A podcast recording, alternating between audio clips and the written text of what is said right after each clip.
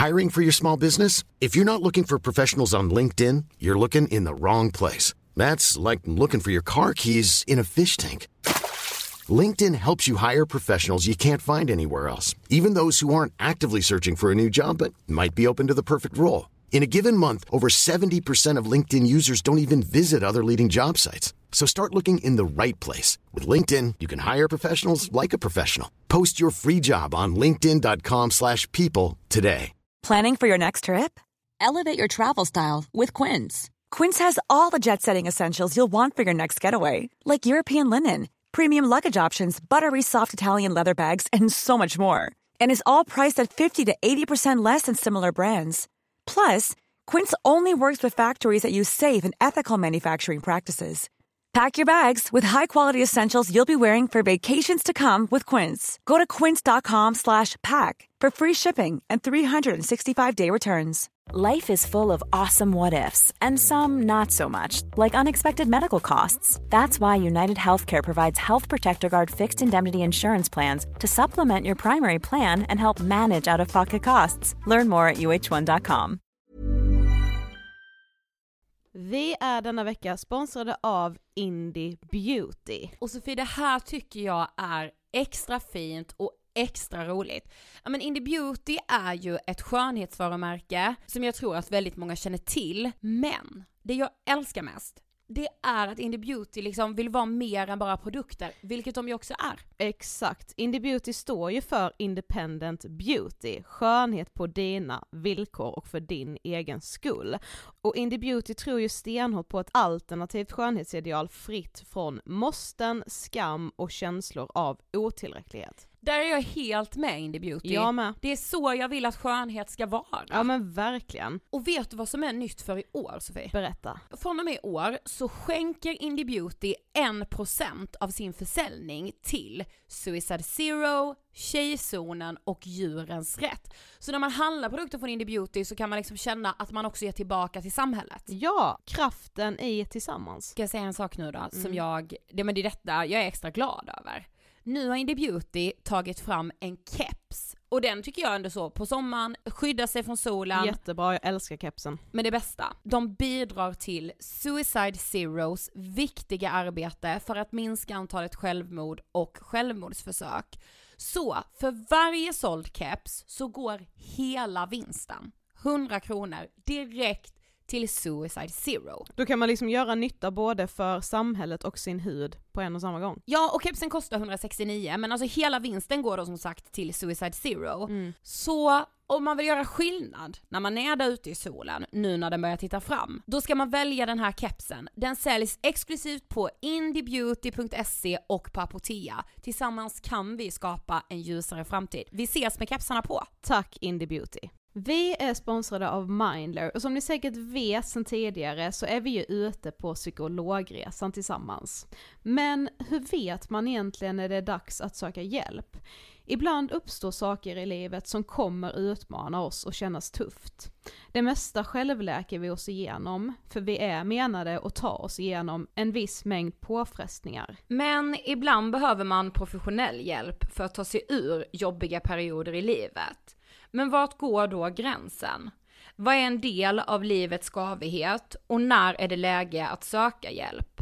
Det sägs till exempel att stress är farligt, men att också kan vara bra. Alla sover dåligt ibland, så när har man egentligen sömnproblem? Ångesten kommer väl krypande för de flesta någon gång. Så när ska man se ångesten som outhärdlig? Hur vet jag? Med oss som psykolog har vi såklart min gamla psykolog Linnea Seidbrant. Men Linnea, vad är egentligen utmattningssyndrom? Utmattningssyndrom är en konsekvens av svår och långvarig stress utan möjlighet till återhämtning. Mm. Vi är ju då skapta för att klara av stress, men vi behöver också återhämtning. Om du utsätts för för mycket stress under en lång period utan att du får till den nödvändiga återhämtningen så kommer kroppen till slut att säga ifrån. Och det är faktiskt så att alla har en gräns. Du kan drabbas av en rad fysiska eller psykiska besvär som trötthet, sömnproblem, hjärtklappning, besvär från magen och tarmarna och mycket annat. Och det här är ju då varningssignaler och tecken på att du kan behöva göra någonting åt din situation. Annars så kan besvären utvecklas till att du mår så dåligt på sikt att du blir psykiskt och fysiskt utmattad. Ladda ner Mindler till din telefon och läs mer på mindler.se.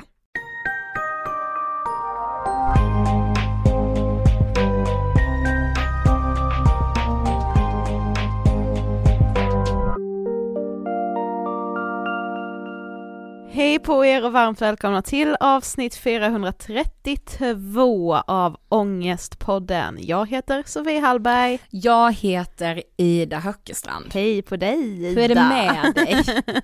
eh, alltså jag, gud vad jag är svajig just nu. Samma. Det är helt, alltså det är Ah. sjukt. Men just idag, eller just nu är det bra. Men om du frågar mig om några timmar kan det lika gärna vara skit. Alltså Ja. du vet så här, det går så jävla mycket, alltså jag förstår om man liksom lyssnar på Ångestpodden varje vecka eh, och har nu gjort det liksom eh, i, i följd så som vi har släppt avsnitten de senaste veckorna så förstår jag om man är lite förvirrad i var jag befinner mig rent mentalt och jag är också förvirrad själv. Det är så jävla svajigt, alltså det är som att minsta lilla kan få mig väldigt glad, men minsta lilla kan också få mig väldigt, eh, inte ledsen, men alltså ångestfylld. Mm. Väldigt mycket ångest, jag känner mig skör. Jag känner att det har varit mycket jobba i uppförsbacke för oss just nu och jag fattar om man typ följer oss på Insta, vi borde bli mycket bättre på att dela sånt. Sen går ju inte vissa saker att dela såklart för att det är så privat, det är liksom ja, jag skulle säga att det är liksom, andra, det är, Mm. alltså du vet så, det har varit mycket bara att ta, fattar du? ja men alltså jag, inte bara jobbmässigt utan jag tycker att jag har en uppförsbacke rent generellt i livet bara. Ja, ja, ja, ja. och Det är som att trampar. nu, minns ni för några veckor sedan när jag satt och bara så, åh det ska bli så jävla härligt att fylla 30. Alltså jag tycker fortfarande att 30 är min ålder, det är inte det. Eh, och jag har ingen åldersnoja så. Men det är som att jag satt och sa där och var så jävla pepp på allt och nu får jag liksom tugga i mig. Jag visste att det skulle bli så här. jag visste att det skulle bli så här. Att jag satt där och var så jävla pepp och nöjd.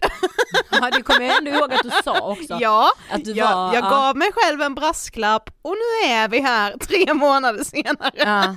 Men vet också, alltså det här är liksom så, den här attityden från min sida är ju verkligen trist för er alla att höra om. Men jag tycker att det produceras så mycket dåligt som blir så mycket större än Ångestpodden. Alltså förlåt, jag sa det, jag stämmer, gör vad ni vill. Ja. Men alltså du förstår vad jag menar då va? Och mycket så, men vi har så mycket idéer. Snälla alltså ring mig varje gång vi pitchar en tv-idé. Jag blir nerringd och nerringd och masterna går av. Ring mig varje gång någon antar vår tv-idé. Dödstystnad. ja. Nej, det, Alltså blir- ni fattar. det är inte mycket som blir där. Nej det är verkligen det och vi, vi jobbar och sliter. Det är det jag vill säga. Med det sagt, inte som någon Men som det får ju mig att känna mig extremt eh, dålig. Mm, Ja. ja. Ja. Och, jag, och det kan jag ju också äcklas av för som sagt nej, Lyxproblem. ja verkligen och jag gör ju inte liksom den nyttan, jag har inte direkt ett samhällsbärande yrke. Om men då tänker så ofta på de som har det, alltså, ni, alltså de vardagshjältarna, är det någon som tackar dem eller? Nej? Jo, vi går ut och Och klappar på, alltså tänk det. Tänk att vi tyckte så, vad ska vi göra för vård? vi, vi, Nej men jag menar samhället, Ja, att vi så, alltså för jag var samhället, fan inte, jag Nej, applåderade inte. men så att samhället var så, vad ska vi göra för vårdpersonalen i corona? Ja, inte höja Ett, lönen. höj lönen, två, klappa på en balkong. Vi bara, vi väljer två. Ja, precis. Alltså, ja, ja, det är faktiskt helt. Ja. Nog om detta. yes. Idag har vi med oss en legendar. Ja, vi har idag med oss Magdalena Forsberg. Alltså typ gåshud var det. Ja. Alltså att så när hon kom in och man bara så, vänta, vänta, vänta, vänta. Mm. Det är OS-medaljer, det är VM-medaljer, det Ja. är liksom allt man kan vinna det är som idrottskvinna. Jerringpriser Ja, och det är liksom ditt och datt. Hon har fyra Jerringpris Sofie. Ja, jag vet. Och idag tänker jag att Magdalena för många nog är känd som så programledare, hon föreläser ju väldigt mycket. Mm. Just nu är hon aktuell tillsammans med Tobias Karlsson med boken Hitta motivation genom livets toppar och dalar. Det kan jag behöva. Ja absolut med tanke på att man är i toppar och dalar varannan timme här just nu. Ja, Mm. men jag ville ju också fråga Magdalena om karriären så det gör vi ju såklart. Ja, hur är det att vara liksom, eh, förhandsfavorit i ett världsmästerskap, att bära ett helt land på sina axlar, säger jag med citationstecken. Mm. Eh, hur behåller man motivationen? Hur lever man ens som den här enorma elitidrottaren? Exakt. Ja men vi hade ju många frågor. Mm. Så vi rullar intervjun med Magdalena Forsberg. Varsågoda! Hej Magdalena och varmt välkommen till Ångestpodden. Hej och tack så mycket! Ångestpodden, det känns ju liksom så här, oh. Du, vi får liksom ångestpåslag va? Vad ska det här landa liksom? Ja, precis. Men du först ska du få berätta, för de som inte vet, om de inte vet, vem är du? Ja, jag heter Magdalena Forsberg och eh, har varit eh, tragiskt att prata om vad man har hållit på med, men för de flesta är jag nog igenkänd som en som har varit skidskytt eh, på väldigt hög nivå och vunnit lite medaljer, men det är faktiskt... Ja, men, alltså det är ju ganska precis 21 år sedan snart som jag slutade att tävla. Mm. Så det har ju hänt en hel del sedan dess och idag så jobbar jag mycket med, jag föreläser. Ja, sen har jag ett, eh, tagit mitt föräldrahem som är en gård, ett skogsbruk. Så det är också lite av det jag gör. Eh, driver lite online coaching eh, och eh, jobbar eh, lite med tv och jobbar med Postkodlotteriet också som vinstutdelare, programledare. Mm. Och så nu har jag och min soul brother Tobias Karlsson skrivit en bok. Ja, så kul. Men gud, jag reagerade också när du sa 21 år. Alltså för jag minns ju när man såg dig tävla. Och då är jag såhär, är det 21, det säger något om hur gammal jag är. Var du född då? Ja, Ja, vi är ja men 30. exakt, vi är 30, så man var ju så 8-9 år. Mm. Ja men så hela liksom barn, alltså Mm. 21 år sedan. Ja, Ja. Ja, det känns ju konstigt. ja jag tycker det. Att, att tiden går, man tycker det var eh, nästan som igår. Men Ah. om man tittar på sina barn, då ser man att tiden har gått. ja, precis. Men vad tänker du på när du hör ordet ångest? Med ångest så tänker jag på liksom jobbig period när man liksom går och oroar sig och är rädd och det är hot och det känns i hela kroppen. Det är ingen skön känsla. Nej det är det inte. Men det är inget farligt. Nej, exakt. Det är inte farligt med ångest, man ska bara genomlida den. Mm. Exakt. Men Magdalena, du är ju liksom en av våra mest folkkära idrottare genom tiderna, känns det som. Alltså man har ju liksom, ja men vi har ju verkligen vuxit upp med dig, att man så, man kollar skidskytte med pappa och det eh, Och det känns liksom som att du, ja men du är så enormt folkkär och också varit det efter din idrottskarriär. Men vi tänkte såhär, men vi vill liksom backa bandet, du är född i Örnsköldsvik men uppvuxen i Ullånger. Ja, i Ullånger i Höga Kusten. Ja. Stämmer det? Men hur, alltså hur ser du tillbaka på din uppväxt där? Var den liksom trygg och lugn och så harmonisk, eller hur Mm. var den? Ja, men jag hade väldigt eh, trygg och lugn eh, uppväxt på en mindre ort. Mm. Eh, på en, vi hade en djur när jag växte upp, så jag hade ju en häst också. Ah. Och jag höll på att sporta med alla sporter som erbjöds i den här orten, Ullånger då på den tiden. Så att, eh, ja, jag gick i skolan, eh, jag pluggade på, jag gick hem, jag gick till hästen, jag åkte till träningen, jag somnade med läxböckerna över ansiktet. Mm. Så såg det ut. Men eh, fantastiskt att få växa upp eh, där på landet och ha alla de här möjligheterna som jag faktiskt ändå hade. Mm. Och eh, stöttande föräldrar och sådär, så att, fina vänner. Så att, ja, det var, jag kan bara, jag kan inte säga något negativt om Nej. den Mm. uppväxten. Men hur kom då skidorna in i livet? Jag började åka skidor väldigt tidigt, eh, för det var en av de idrotter som då fanns i i Ullånger. Ja. Så jag höll på med gymnastik, friidrott, skidor och slalom och så hade jag häst. Eh, men det var liksom skidåkning som jag fastnade för och det kan också ha att göra med kanske att, att liksom, ja, jag var, det jag var bra på det. Jag fick höra liksom att jag var duktig på det och då blir man så här bara, ja, kanske Mm. det. Ja, Så Mm. fortsätter man på det och tycker kanske att det är extra roligt. Och sen hade jag en mamma som också var tränare. Hon också älskade att åka skidor och stötta mig i vått och torrt. Så, så Mm. att eh, då blev det ju lite enklare. Mm. Men först var det längd, alltså längdskidåkning. Mm. Jag höll på med, med längdskidåkning. Det var utkristalliserade sig liksom att det var ju det liksom som jag höll, fortsatte med av alla de här idrotterna. Och så började jag på idrottsgymnasium och jag var ju Ah. längdåkerska ända tills jag var 27 år. Då bestämde jag mig för att byta sport och börja med skidskytte. Mm. Ja, men så du tävlade och så i längd också? Ja, jag tävlade i längd. Jag var med i längdlandslaget, i juniorlandslaget och seniorlandslaget och har lite faktiskt VM-medaljer där och ifrån också. Eh, så att, eh, ja, det är fantastiskt så här i efterhand att känna att, att eh, få ha haft två olika karriärer, alltså idrott bägge två, men ändå fått prova på olika saker. Mm. Ja, Men hur var det att börja tävla då? Alltså hur gammal var du då? Jag började tävla så fort jag kunde och jag älskade att tävla. Ja. Eh, det var mer så att jag älskade att tävla och inte gillade att träna. Men, eh, jag älskade att träna och jag älskade att vinna liksom, och lyckas. Så jag förstod som tur var väldigt tidigt att det hörde ihop det här med att, att träna och förbereda sig och sen kunde man kanske få vinna om man hade förberett sig. Ja. Eh, Så att det förstod jag. Så att eh, det var det som fick mig också att träna. För jag, egentligen var jag lite så här lat. Så att, Mm. men jag ville vinna och därför tränade jag Mm. Också. Men det var så klassiskt, alltså vi är också uppvuxna i en liten stad, vi är från Karlshamn i Blekinge. Ja. Mm.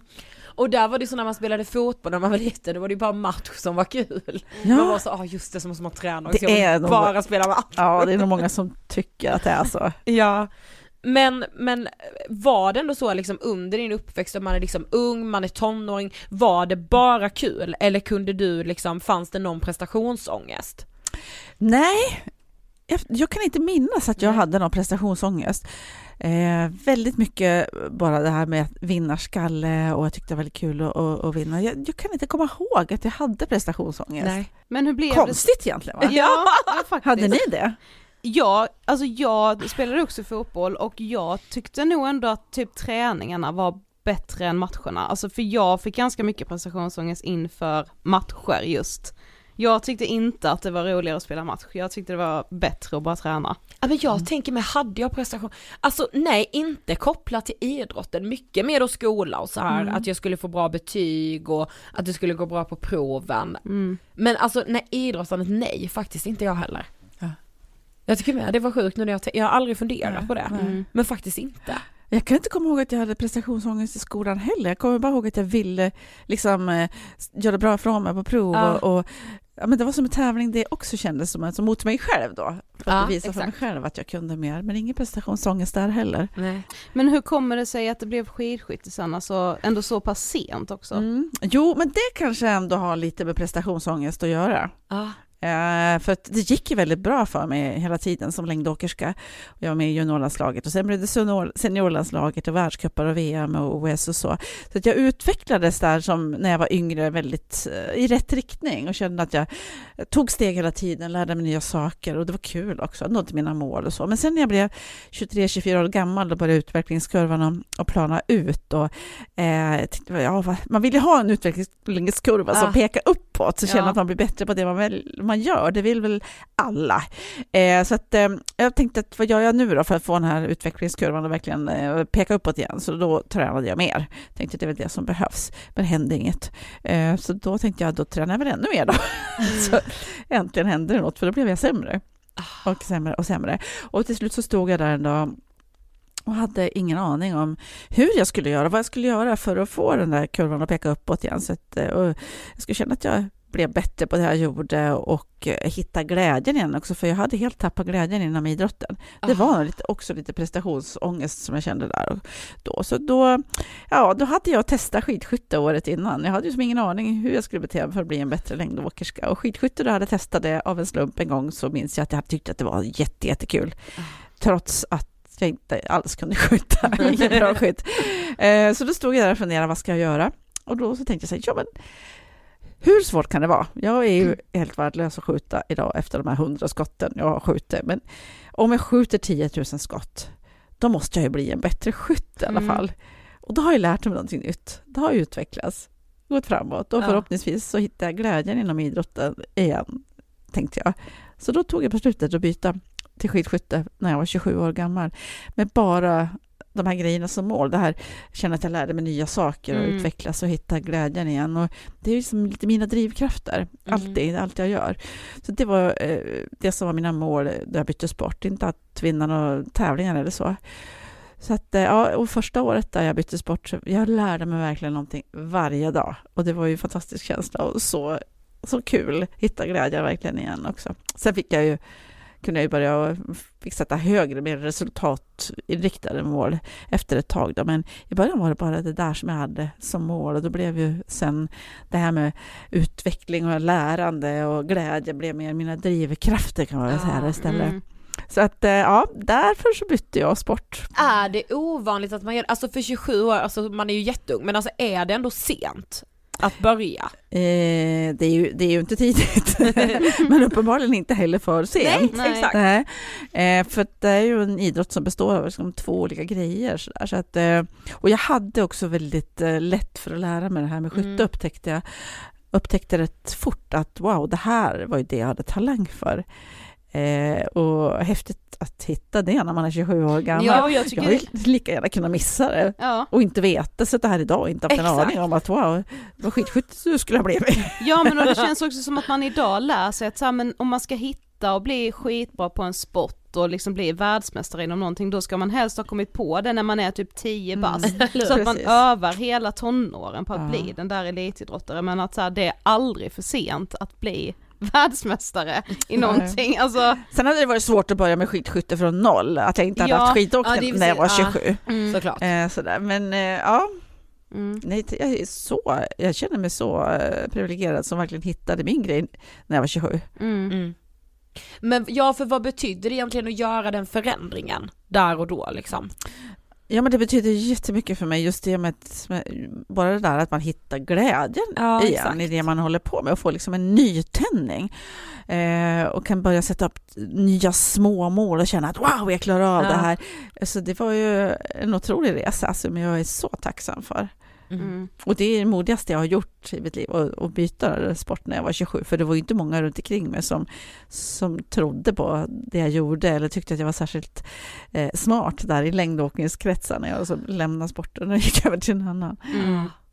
Men det gick ju väldigt bra. Ja. Och du blev ju liksom snabbt väldigt folkkär och liksom alla hejade på dig och det var mycket uppmärksamhet. Eh, Hur hanterade du all den uppståndelsen liksom? Eh, ja, det, det blev ju så. Jag hade väl turen att, att just då hade det blivit bra tv-sport, att man fått Mm. ihop det, bra sändningar och då får det ett otroligt genomslag. Ja. Exakt. Eh, och så började det visas också lite på, på tv hemma så folk kunde se det. Men jag tror att jag hade väldigt mycket eh, nytta av att jag hade, hade liksom haft den där längdåkningskarriären innan som visserligen var framgångsrik men absolut inte alls lika framgångsrik Nej, mm. som den här skidskyttekarriären blev. Så jag stod, jag fick liksom stå lite på sidan om och se de svenska världsstjärnor som vi hade inom längdåkningen Mm. då, hur de hade det och hur de tacklade det här och all uppmärksamhet och så. Så jag tror jag lärde mig ganska mycket av det som jag sen hade med mig som hjälpte mig att, att klara av den uppståndelse som det blev. Och så var jag ju inte liksom 20 eller 21, jag var ju ändå 27, 28, Mm. Ja. 29 när jag vann mitt första VM-guld och det var nog också, det var också bra. Mm. Ja, ja då, hade man ändå, då hade du ändå kunnat studera dem lite, att så här, Mm. hur, hur tacklar de allt det Ja, här? och så hade jag Ja. också, vet jag, jag, jag började tänkte på det här när jag då slog igenom som skidskytt och bara oj, hur ska man vara nu då egentligen? Liksom intervjuer och massa uppmärksamhet. Ska Ja. jag liksom vara, låtsas vara på det här sättet eller det här sättet? Nej, så kommer jag fram till att nej, jag kan ju bara vara mig själv. Mm. Det är ju det enklaste. Mm. Eh, Så att jag håller på att låtsas att jag är någon annan, så helt plötsligt glömmer man att man ska vara Ja, den andra personen och så blir det bara fel av allt. Men det är enklast att bara vara sig själv. Mm. Inte behöva tänka så mycket. Ja. Eh, men, men vi läste i en annan intervju med dig att du inte gillade att läsa artiklar eller kolla intervjuer med dig själv. Nej, det var ju också ett sätt att klara av allt det här, att jag medvetet undvek Ja. att, att läsa om mig själv eller hänga med eller titta på tv eller sådär. Jag, och jag gillade verkligen inte att läsa om mig själv heller. Så att det, det var också ett sätt för mig att ja, men klara av den uppståndelsen. Och Mm. håller man på att läsa om sig själv och ja, man framställs ju aldrig exakt som man tycker att man själv är. Plötsligt kanske man tror att man är någon annan än den man är. Mm. Och, eh, och sen är det ju så att det blir väldigt ofta så små fel som smyger sig in i artiklar och eh, jag vet att som jag hade varit på och läst allting så har jag gått och kanske irriterat mig på det och slösa energi på det som jag inte kunde påverka. Jag hade löst att slösa energi på något jag inte kan påverka så att, eh, äh, då struntar jag i det. Mm. Eh, Men vi läste i din bok, din och Tobias bok ska Mm. sägas, Hitta motivationen, att du faktiskt hade en period runt 2000 där du hade tappat typ all motivation. Varför tror du, eller liksom vad, vad hade hänt där och då? Ja, men det var, jag tror att du tänker på det där när jag skulle börja träna där i början av maj och absolut inte, precis. vi började alltid träna första maj, två pass om Mm. dagen direkt, då hade vi haft tre veckors semester då, där i april. Ja. Eh, och då, nej, men då, hade jag, då var jag lite mätt, lite så här nöjd. Jag hade, eh, jag hade ju vunnit så himla mycket och det hade gått så jättebra så att jag var inte lika hungrig längre och när jag började träna så kunde jag absolut inte, när jag tänkte på de här tävlingarna som skulle komma till vintern, det som normalt brukade få mig motiverad och på hugget liksom vilja göra det bästa varje dag för att få stå där på prispallen. När jag tänkte på de där tävlingarna som skulle komma så fick jag mer en så här åh, flyktkänsla, avskykänsla att vill inte tävla. Mm. Eh, men jag fortsatte ju träna ändå enligt min tränares eh, schema varje dag, men inte med det där liksom, lilla extra, ni vet, det där göra Mm. allt varje träningspass och lite till som krävs för att det ska bli bra sen i slutändan. Det blev så här slentrianmässigt och halvhjärtat. Eh, och efter någon vecka så, så förstod jag ju det här att det här kommer ju inte bli bra. För samtidigt så förstod jag ju att när vintern väl skulle komma och tävlingarna skulle köra igång så skulle jag ju bara vilja vinna, inte nöja Ja. mig med att slåss om 15 30 platsen. Så att fortsätter jag på det här viset kommer jag aldrig ha en chans att vinna. Eh, Så jag förstod att jag behöver jobba med att hitta den här motivationen och glöden och elden, liksom, hungern varje Mm. dag igen. Och då, då började, gick jag tillbaka till, till mina drivkrafter då Ja. igen då. Och börja började jobba ännu mer med, med det här med delmål, eh, vilket jag alltid vill ha, men då tog jag det ännu mer skaffa ännu fler delmål utifrån mina drivkrafter och det här med lära mig nytt och utvecklas. Och då eh, satte jag en första lite delmål där i maj, kommer jag ihåg, som var att jag skulle kapa tiden till första skott med tre sekunder. Alltså från det jag lägger ner stavarna tills jag avlossade första skottet skulle det bli tre sekunder snabbare. Och det fick mig att vara på tårna på hugget och liksom motiverad varje träningspass faktiskt. Eh, Var sen- det de tre sekunderna det handlade om? Ja, nej, men liksom ha några små mål att hänga upp det på Ja. och så få en att tända till, få en att bli motiverad. Ehm, och, och det här att ha sitt varför också, för jag hade verkligen inte mitt varför där när jag eh, tränade på där, mitt omotiverade tränande där i början på maj. Men att ha mitt varför, jag letade upp mitt varför och när säsongen sen körde igång där i slutet på november, början på december med världscuptävlingarna, så ja, men då blev det ju som jag jag förstod att det skulle bli, att, att jag ville tävla igen och ville prestera. Och då blev det faktiskt eh, min allra bästa säsong den vintern. Ja. Jag lyckades vinna 14 världscuplopp den vintern. Och, och, och, jag är helt säker på att det hade inte hänt om jag bara hade fortsatt med det här liksom, slentrianmässiga halvhjärtade. Ja, ja, ja, för jag tränade enligt programmet men inte, ah, inte mer. Det var Mm. så här, jag genomförde det men halvhjärtat. Att, ehm, viktigt att man är motiverad och att man kanske förstår det ibland också att nu behöver jag jobba själv med det här. Ja. För det är inte så alltid som någon annan kan komma och liksom ge oss motivationen på ett silverfat, Exakt. utan det får vi fråga oss själva vad vi, vad vi drivs av och varför vi gör det vi gör. Det Ja men jag. vad var ditt varför? Men varför? Mitt varför, det var ju också mycket det här med utvecklas och varför var ju mitt varför att få stå där och känna den här känslan att jag klarar av det jag föresatt mig. Mm. Det var mycket mitt varför. Jag hade ett mål och sen den där känslan när jag har lyckats, jag vet att jag har gjort jobbet, eh, den är stark för mig också. Men Mm. mycket, mycket, väldigt mycket också det här med att jag lär mig saker och glädje. Mm. Ja men för, för du skriver det med att så här, det fanns ändå inte på världskartan att du inte skulle få stå där på pallen liksom och ta emot priset eller liksom att, ja men som du sa nu att så komma på 15 eller 30 plats. Då hade jag Va- verkligen inte varit nöjd eller känt Nej, den där tillfredsställelsen. Och då är, det är ju också bra att komma på tionde plats tänker jag. Fast om du en gång har vunnit och Ja, varit där, exakt. då vill Ja. du ju gärna vara där igen. Du vill ju Ja. inte nöja dig med tionde eller femtonde eller trettionde då liksom. Nej. Nej. Jag, ja, jag köper det ändå. Ja. Alltså, ja, och att man också, och var det också så att liksom, att du kunde motivera dig att så här, fasen vad tråkigt det kommer vara då, att bara tävla men ändå inte liksom Mm, mm. komma, Ja, ja. få medalj. Det var, ju, det var kanske mer hotivation då, som ett Ja. hot. Där framför ett motivation istället för motivation. nej, men att, att eh, viktigt för att, att hitta, ha, hitta sin motivation, det är att veta sitt varför. Varför kliver jag upp på morgonen Ja, egentligen? exakt. Hey, it's Paige DeSorbo from Giggly Squad. High quality fashion without the price tag. Say hello to Quince. I'm snagging high-end essentials like cozy cashmere sweaters, sleek leather jackets, fine jewelry, and so much more. With Quince being 50 to 80% less than similar brands. And they partner with factories that prioritize safe, ethical, and responsible manufacturing. I love that. Luxury quality within reach. Go to quince.com slash style to get free shipping and 365 day returns on your next order. Quince.com slash style. I'm Sandra, and I'm just the professional your small business was looking for. But you didn't hire me because you didn't use LinkedIn jobs. LinkedIn has professionals you can't find anywhere else, including those who aren't actively looking for a new job but might be open to the perfect role, like me.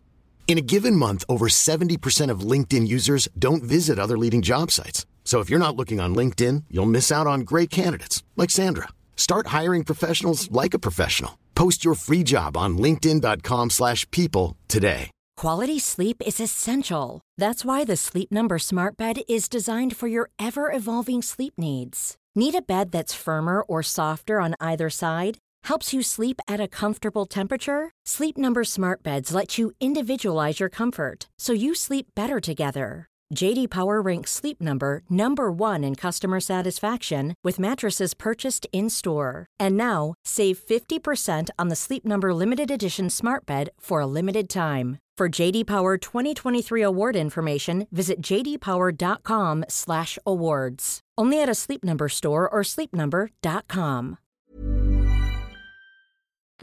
Eh, super, superviktigt. Jag tror det är väldigt många människor och kanske till och med företag och organisationer som alltså, de vet vart de ska.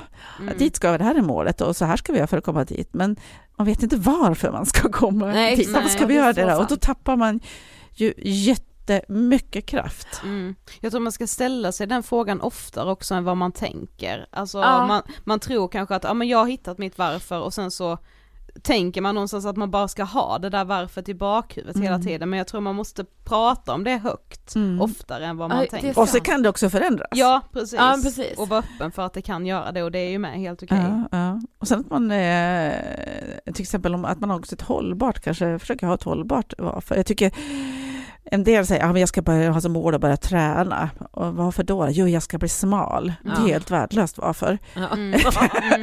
Dels är det inte viktigt att vara smal, Mm. eh, utan det är viktigare att träna. Men man kanske kommer på det efter någon vecka då, om man har det där smal som sitt varför. Att första veckan kanske det går bra att träna, men, men sen så ah, var det lite jobbigt och inte så Mm, kul. Och så börjar man fundera på kanske finns något annat sätt att bli smal på. Mm. Ja, men jag, ät, jag äter lite andra, jag, Ja. jag äter mindre till exempel. Då, miss, då får man ju inte den där träningen. Nej, Nej. precis. Så det är totalt ohållbart. Varför? Mm. Ja.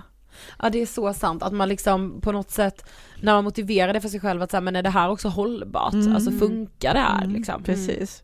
Men kunde du känna, alltså den här pressen, alltså även om du då var bra på att motivera dig själv, du kunde pressa dig själv, kunde du ibland känna press utifrån? Att såhär shit nu, nu vilar landet på mina axlar på något sätt. Mm, men jag mycket... hade en gång eh, som eh, var mitt största nederlag resultatmässigt och upplevelsemässigt i skidskyttekarriären. Det var ju OS 98 i Nagano. Dit jag kom då, det var mitt första OS som skidskytt och så hade jag då vunnit mitt första VM-guld året innan. Och eh, kom som en av favoriterna till Nagano. Eh, vilket jag inte var förberedd för. Jag hade Ah. verkligen inte gjort hemläxan. Och misslyckades i första loppet och lät det förstöra hela OS för mig. Jag började älta de här negativa tankarna. Min negativa inre kritiker fick ta över och härja totalt. Mm. Eh, vilket gjorde att jag misslyckades i loppet, det andra loppet också. Och då var ju det OS förstört. Det var då jag till och med stod där på sista skjutningen. Det var två skjutningar, jag kom in i delad ledning till sista skjutningen och eh, hade ju negga, negga för mig själv i tre dagar innan Ah. det där. Och bommade första skottet och då fick, rann ju allt av mig så att jag bommade skott två också och sköt faktiskt skott tre med vilja på sidan av. Helt tom i skallen. Mm. Eh, så jag förstörde ju för mig själv där. Och det var för att jag inte var, jag var inte förberedd att komma Nej. som en favorit till ett mästerskap och la alla förväntningar på mig. Precis. Och eh, jag kommer så väl ihåg, jag efter det där sa aldrig mer OS, jag ska aldrig mer åka OS. Jag satt på en presskonferens och sa det. Eh, men det gjorde jag faktiskt, jag åkte ett OS fyra år senare. Ja. Och det där var ju en otroligt bra lärdom för mig. Att få det där totala misslyckandet. Det är ju Mm. så att bästa man kan göra misslyckande, det är att lära av. Ja. Så det, och man kan lära sig jätte- jättemycket.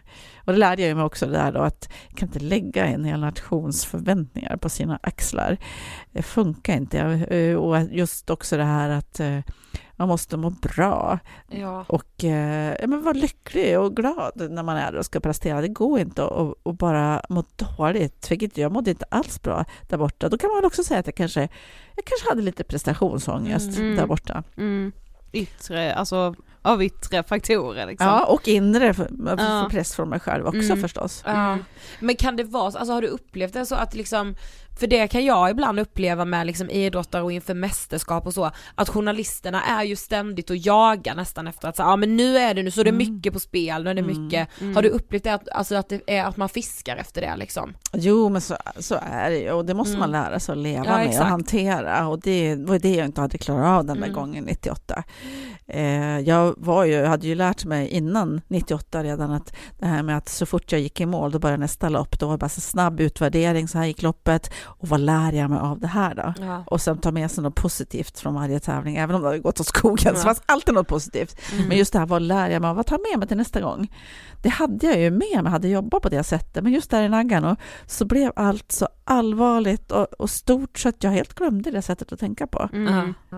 Så att, eh, nej, men det, det där med misslyckas kan ju vara en otrolig lärdom då vi orkar se på det. För det man helst vill göra, det är ju bara sopa under mattan. Ja, det är så jobbigt att se på så jag vill inte alls veta av det, men då lär vi oss ju ingenting. Och det gäller ju Nej. allt vi gör i livet. Mm. Att hela tiden reflektera, bara, ja okej, nu gick det åt skogen, men vad kan jag ta med mig till nästa gång? Ja Mm. exakt. Men också när, när det har gått bra, har du liksom varit bra på att fira det då? Nej, jag har ju inte varit så bra på att fira just där och då eh, så mycket.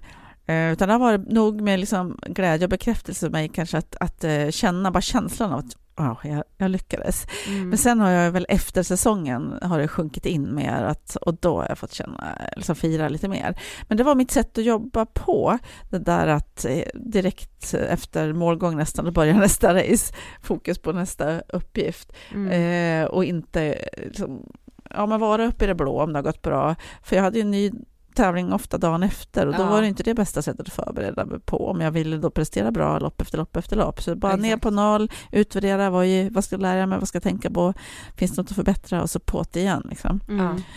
Eh, så att, ehm, ja, det var mitt sätt att, att jobba på. Kanske inte, det är många som inte vill jobba så, men för mig så var det framgångsrikt. Och Ja. eh, ja, men jag tyckte det kändes bra. Sen fick man fira efter säsongen. Ja. Mm. Men mot slutet av din karriär inför ännu ett VM så höll verkligen bägaren på att rinna över, beskriver Mm. du i boken. Vill du berätta vad, vad hände då?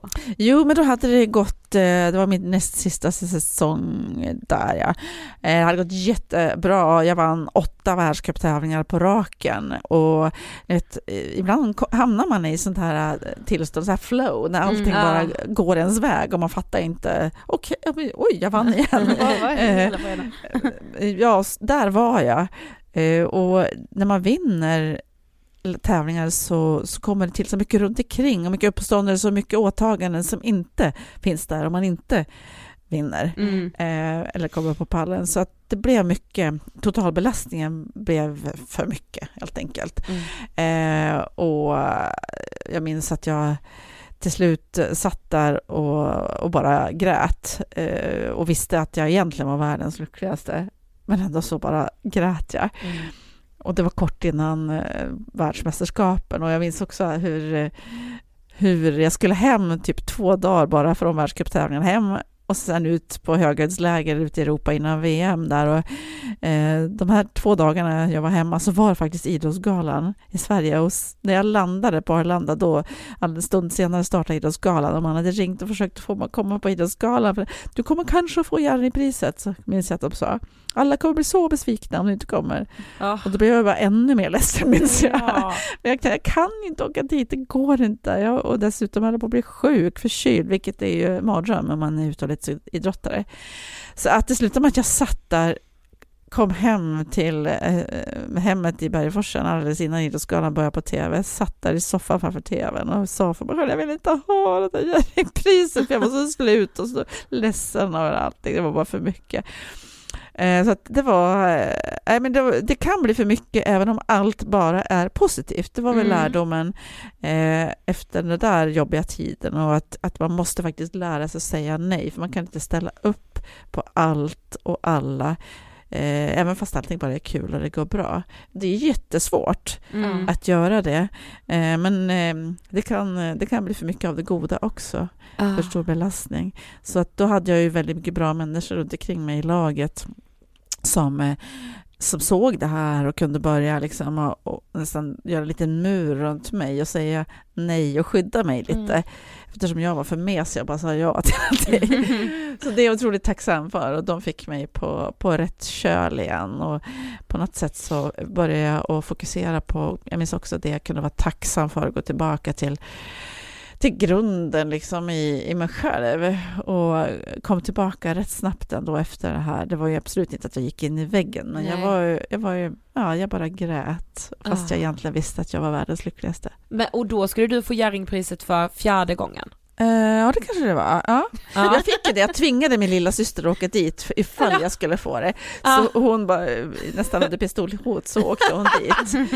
Hennes sista invändning att inte åka dit var att jag har ju ingen klänning på men, jag, men då satte jag min klänning i en taxi minns jag på Arlanda och skickade till henne.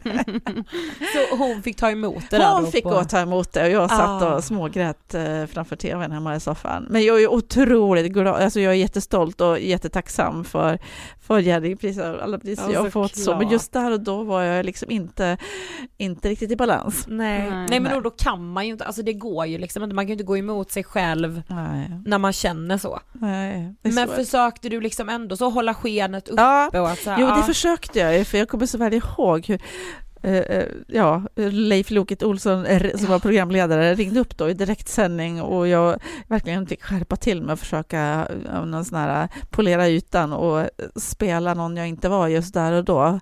Eh, och så sen lägga på luren när vi var färdiga och, och vara ledsen igen. Nej, så det, mm.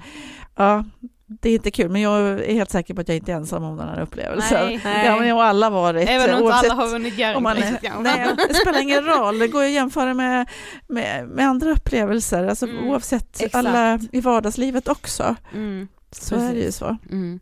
Men hade du, eller liksom fanns det någon plan för när du skulle lägga av eller var det bara så att du kände ändå att nu, mm. nu räcker det, nu har jag vunnit så det räcker? Nej men så här var det jag efter, som jag berättade, mitt misslyckande där i Nagano så så hade jag väl tänkt att jag aldrig skulle hålla på fyra år till nästa OS. Nej, nej, nej. Men då kände jag ändå då, efter 98 där, att, som jag pratade om, mina drivkrafter, att bli bättre lärare med nya saker, utvecklas. Jag kan fortfarande, det finns ganska mycket jag kan förbättra.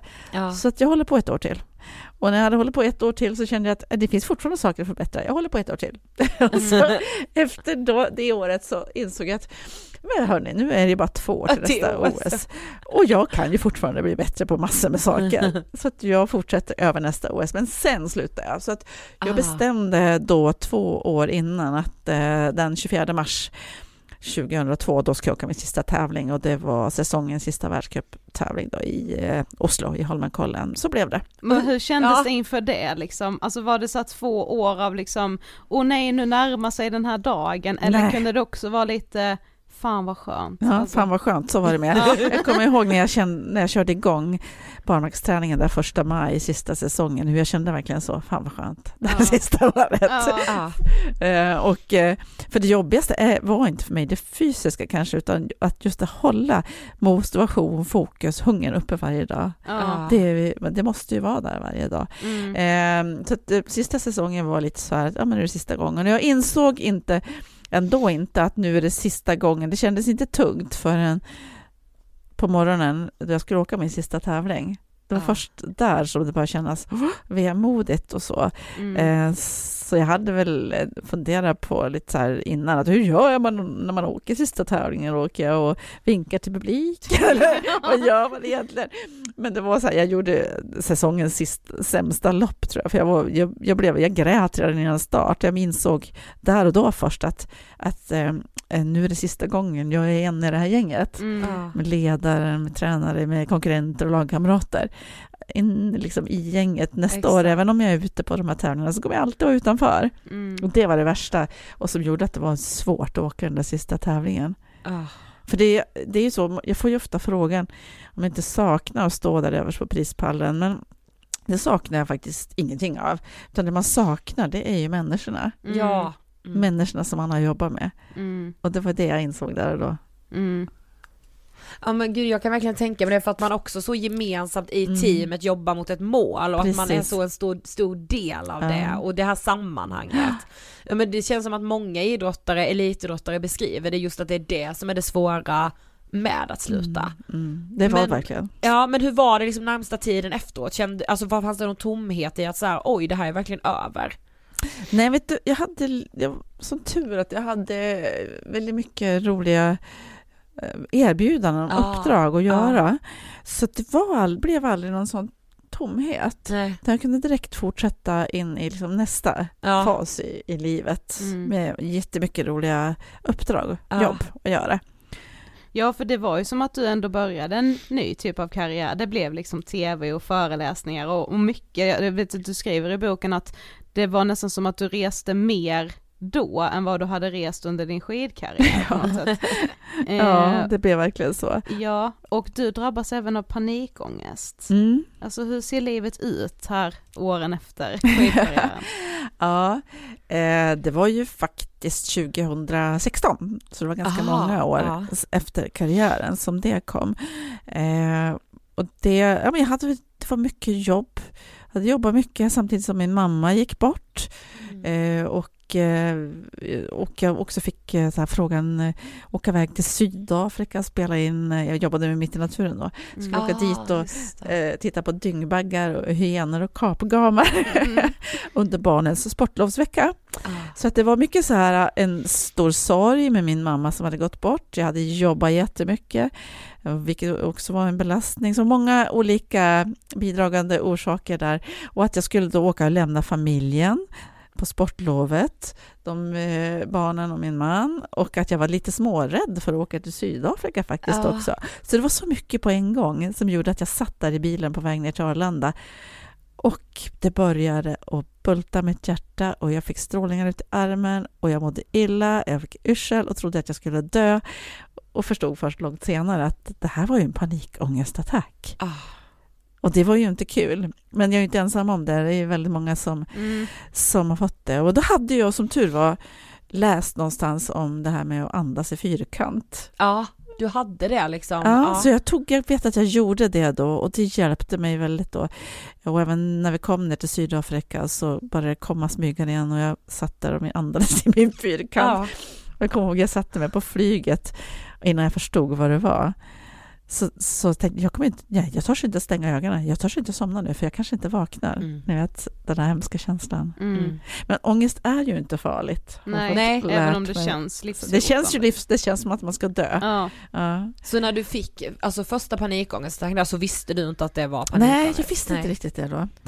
Eh, utan jag åkte, de, jag blev skjutsad och direkt till en läkare här inne i, i Stockholm Ja. som började titta på mig och undersöka mig, hittade inget fel på mig och sådär.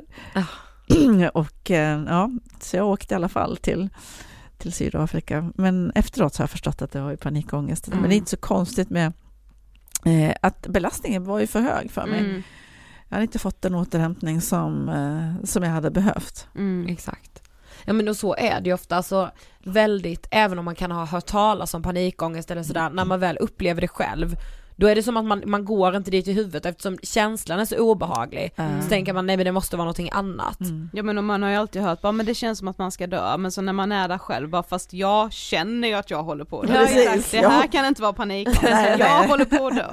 Alltså, ja. Ja, eh, så det, var ju, det var ju en nyttig upplevelse, Mm. en spännande upplevelse så här i efterhand som jag också lärde mig mycket utav. Och som gör väl att idag så känner man ju när man är på väg åt, åt fel håll och kanske Mm. kan dra i bromsen i tid och, och få in mer återhämtning Mm. Ja i livet. Mm. För det kan jag också känna idag att efter den här upplevelsen så, så är man inte, eller jag, inte lika stresstålig som jag kanske var tidigare. Jag tror att det är också många som känner det. Ja exakt. Om man har varit med om något sånt så sänks ribban för Mm. vad man tål. Mm. Och det kanske är tur det. Det är ju kroppens sätt. Exakt. Man ska inte tåla för mycket. Nej. Nej. Nej vi gör inte det Nej. liksom. Ja. Ja. Nej men du, alltså du och Tobias har ju skrivit boken Hitta motivationen genom livets toppar och dalar. Hur hittar du motivationen genom livets toppar och dalar? Ja. Eh, för att hitta, dels eh, vissa gånger så är det just att sätta mål och, och sätta mål som jag känner är realistiska och som liksom drar mig framåt. Och, och sen det här som jag sa med mina drivkrafter, där hittar jag väldigt mycket motivation. Och drivkrafter har vi ju många olika. Det gäller bara att veta dem Ja och, och hitta dem. Vad är det som är min, min drivkraft? Eh, sen kan jag också ibland, det finns ju många olika sätt att hitta motivation på, men jag tycker ibland när man ska göra vissa saker så kan jag bli motiverad av andra människor. Mm. Och det behöver absolut inte vara liksom världsstjärnor. Det kan ju vara en god vän eller någon jag har sett liksom bara på tv eller Ja. sett i någon tidning som har lyckats med någonting.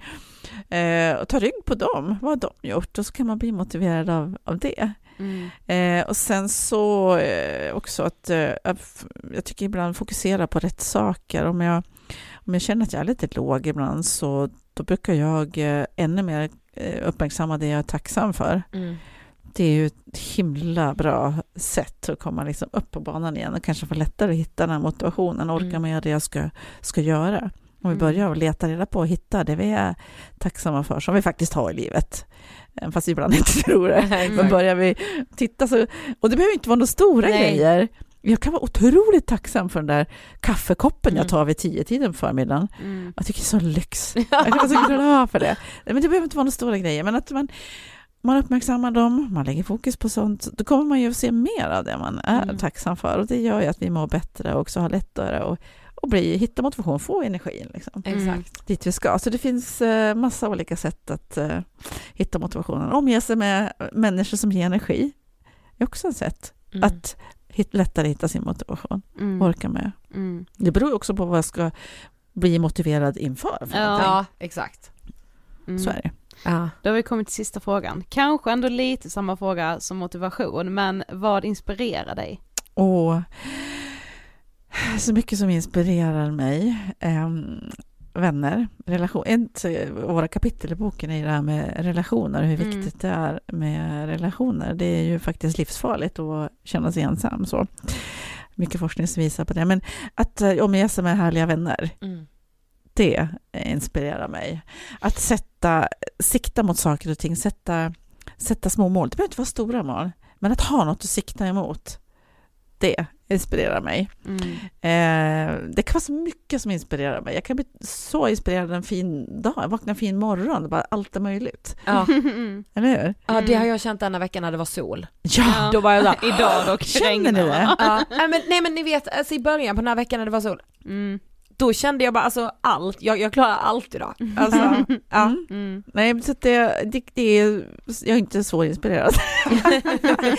Men att hitta de här små ljusen i tillvaron som gör en glad, det inspirerar mig. Mm. Men det är det lyx, Och utveckling lyxigaste. som jag sa. Ja, som jag sa, det med drivkrafterna och utveckling, lärande. Eh, och så ny, är jag väldigt nyfiken och det är inspirerande. Mm. Ja men det är ju lyxigt att liksom ha lätt att hitta inspirationen, alltså Mm. att man kan hämta den från så många olika Mm, källor. Mm. Det hade varit jobbigt om man kände att man bara blir inspirerad av en person Ja. eller bara en grej, alltså Mm. Ja. man vill ju kunna hitta den runt om i hela livet liksom. Tack så jättemycket för att du ville gästa Ångestpodden. Tack för att jag fick vara med, trevligt. Tack. Tack. Nej men vet du vad jag tror är viktigt? Kanske speciellt i sådana här tider där det är mycket, alltså när det stormar mycket eh, och alltså det är lågkonjunktur, man vet väldigt lite om framtiden, det finns mycket att oroa sig över, alltså vissa bagateller absolut som, Mm. som jag oroar mig över i mitt liv, rent generellt som verkligen är så svinonödiga saker att oroa sig över, men Mm. det finns ju faktiskt ganska konkreta saker som gör många ångestfyllda just nu, Absolut. vilket är, absolut inte är konstigt. Men jag tror det är viktigt att så här, för att försöka må bra, att just som Magdalena säger, att liksom ha hållbara mål Ja. i livet. Alltså att liksom, man pratar ju ibland om att så, men resan fram till ett mål är det som är livet på något sätt. Ja. Men det handlar ju också om att ha de här hållbara målen och ta hand om sig själv längs med vägen och inte sätta upp orimliga mål eller att man har ett mål av fel anledning. Nej men exakt. Tack Magdalena för att du kom till Ångestpodden och eh, att vi fick liksom lite så VM, OS, Jerring-status. Ja, en vacker dag kanske Ångestpodden vinner, inte Jerringpriset, men ett pris i samma kaliber. Jag tror du skulle säga, men, men kanske ett VM-guld. I vad så? Podd! ja, i grenen podcast. Ja, mm. ja men du, eh, frågan är rullar ju varje måndag. Yes. Det tycker jag ju att man ska tune in så att säga. Och skicka som sagt era, eller om ni så, om ni ser någonting som händer i frågorna kring psykisk ohälsa, eh, kan vara både positiva nyheter men också negativa. Ne vi är ju inte sena med att raljera. Nej, det, vet det ni känner man ju också. Eller om ni bara har något dilemma i ert liv som ni tycker att vi ska diskutera. Ni har lyssnat på Ångestpodden med Ida och Sofie, Kul att ni lyssnar vill jag faktiskt säga också. Jätteskoj. Och följ oss på Instagram där vi heter Angestpodden. Vi hörs alltså på måndag igen. Hejdå! Hejdå!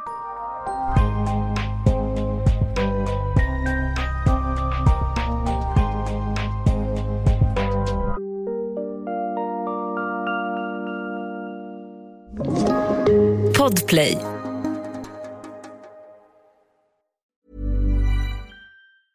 Need new glasses or want a fresh new style? Warby Parker has you covered. Glasses start at just 95 bucks, including anti-reflective, scratch-resistant prescription lenses that block 100% of UV rays.